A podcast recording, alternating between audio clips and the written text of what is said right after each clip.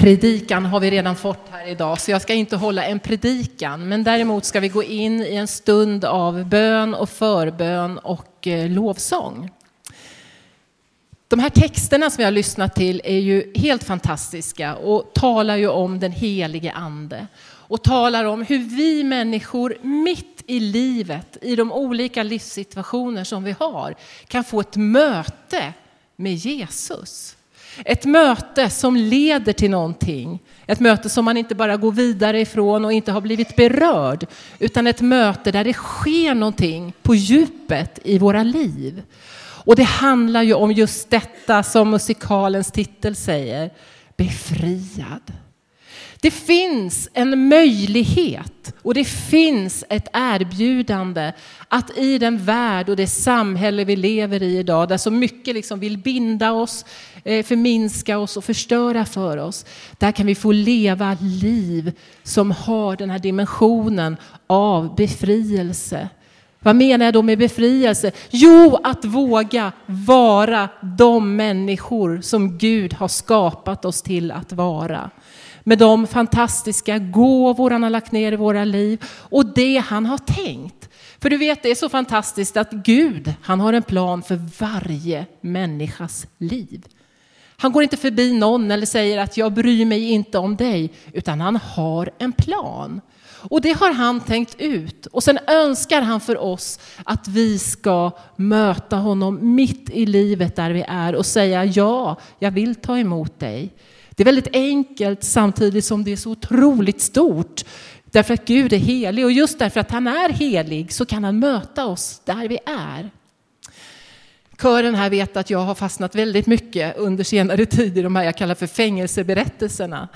Eh, och eh, jag ska inte gå in på dem så mycket nu, men jag tycker de är så fantastiska. För Petrus, han fängslas. Han sitter fast med kedjor. Men så sker detta att bojorna, kedjorna, de går av, de går sönder, de brister och han får komma ut i ett nytt liv i frihet.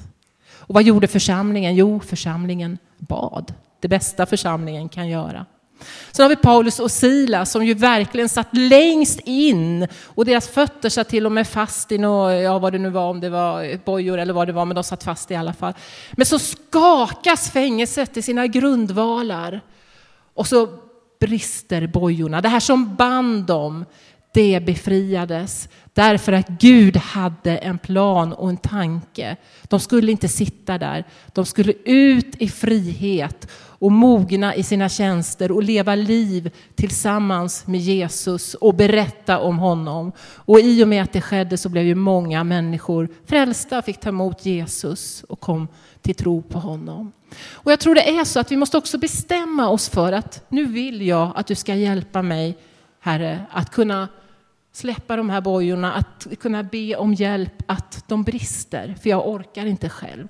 Och jag längtar efter det här, vet ni, och bara få se hur vi människor blommar ut och bara är och fungerar tillsammans i våra församlingar runt om i vårt land och i de olika städerna där vi är. Och har du aldrig upplevt det här, har du inte bestämt dig för att tro på Jesus ännu, vill jag bara gratulera dig till att du har den upptäckten kvar, för det är fantastiskt. Och det kommer att ske saker i ditt liv. Vi är inte lovade att slippa problem, inte ens jag gör det, utan alla möter vi problem och svårigheter. Men vi behöver inte stanna där och bli bundna i dem så att de binder oss som människor, utan vi kan mitt i det svåra få ha en frihet, ett frihetsperspektiv, därför att Jesus är med oss och möter oss.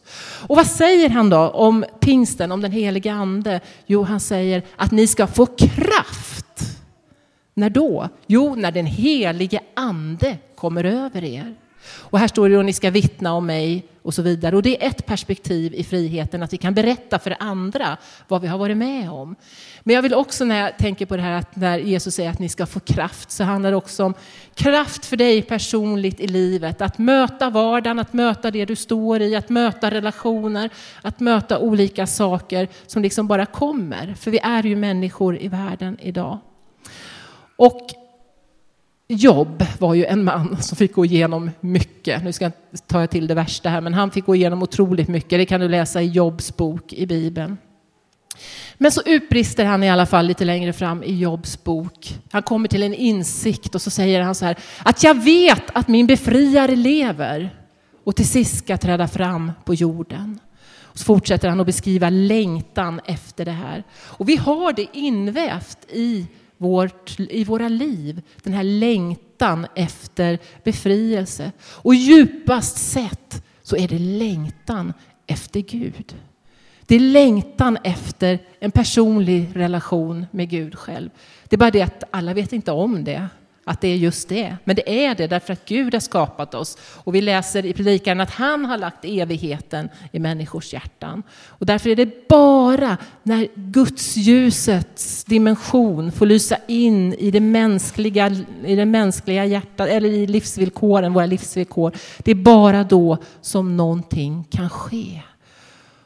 Och jag skulle önska att du idag bara säger till Jesus att ta mina problem, ta det här, hjälp mig att leva igenom det här. Det här jag är bunden av, det här som jag sitter fast i så jag kan komma vidare in i en djupare relation med han som är livets Herre. Han som är befriaren. Och då kommer du att landa i förvissningen och övertygelsen om att även om alla dina problem inte löser sig på en gång så har du någon att möta dem med. Och din övertygelse och din, det du landar i får vara att du kan säga jag vet att min befriare lever. Det här är helt fantastiskt och det är vad vår värld behöver. Vi behöver det personligt naturligtvis eftersom det är vi människor som liksom finns i världen som fattar beslut som påverkar och allt det här. Det behövs på alla plan i världen, i samhället idag och i våra liv. Och jag skulle bara önska att vi tar en stund här och ber för att områden får befrias. Om du all, inte har bestämt dig för att tro ännu på Jesus så har du möjlighet att få göra det idag genom att väldigt enkelt bara säga Jesus kom in i mitt liv. Och då vill vi gärna be med dig. Och det finns ett bönerum här bredvid. Titta på pastor Andreas här. Och eh, du är välkommen in där när vi ska få eh, sjunga lite lovsång tillsammans här. Och då är det så att om du sätter dig på en stol inne i bönerummet, då, då, visar du att du vill vara i fred och bara sitta och be för dig själv. Sätter du dig på en bänk som finns där inne, då, då, vill du ha förbön. Så tänk bara på det. Men du har möjlighet att bara få vara själv där inne eller få personlig förbön. Och det kommer att finnas förebedjare där. Men tänk på det, att du har möjligheten till detta. Och sen tycker jag när det är pingst, eller överhuvudtaget jämt, men jag älskar den här bibelversen när Jesus säger att den som är törstig, kom till mig och drick. Ur hans innersta ska flyta strömmar av levande vatten. Och han talar ju om anden och han säger kom till mig och drick. Bry dig inte om allt det där andra runt omkring som man kan reta upp sig på eller bry sig om eller lägga massor av energi på. Utan kom till mig och drick, säger Jesus. Och det ska vi göra nu en stund. Så Gud välsigne dig. Vi är i bön här en stund. Jag ska be en bön nu och sen är ni välkomna in i bönerummet och så ska vi sjunga några låsånger tillsammans innan Evert kommer att avsluta. Herre, jag tackar dig för att vi får mötas här den här förmiddagsstunden, den här pingsten.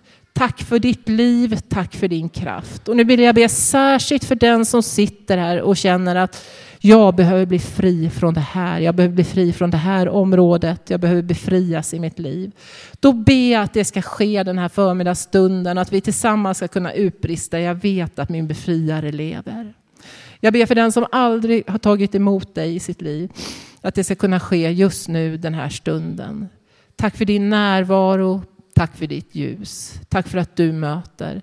Jag ber för den som är sjuk att du ska komma med din helande kraft. Herre, nu bara kommer vi inför dig en stund i lovsång och tillbedjan och upphöjer dig. Tack för att du är här. Jesu namn. Amen.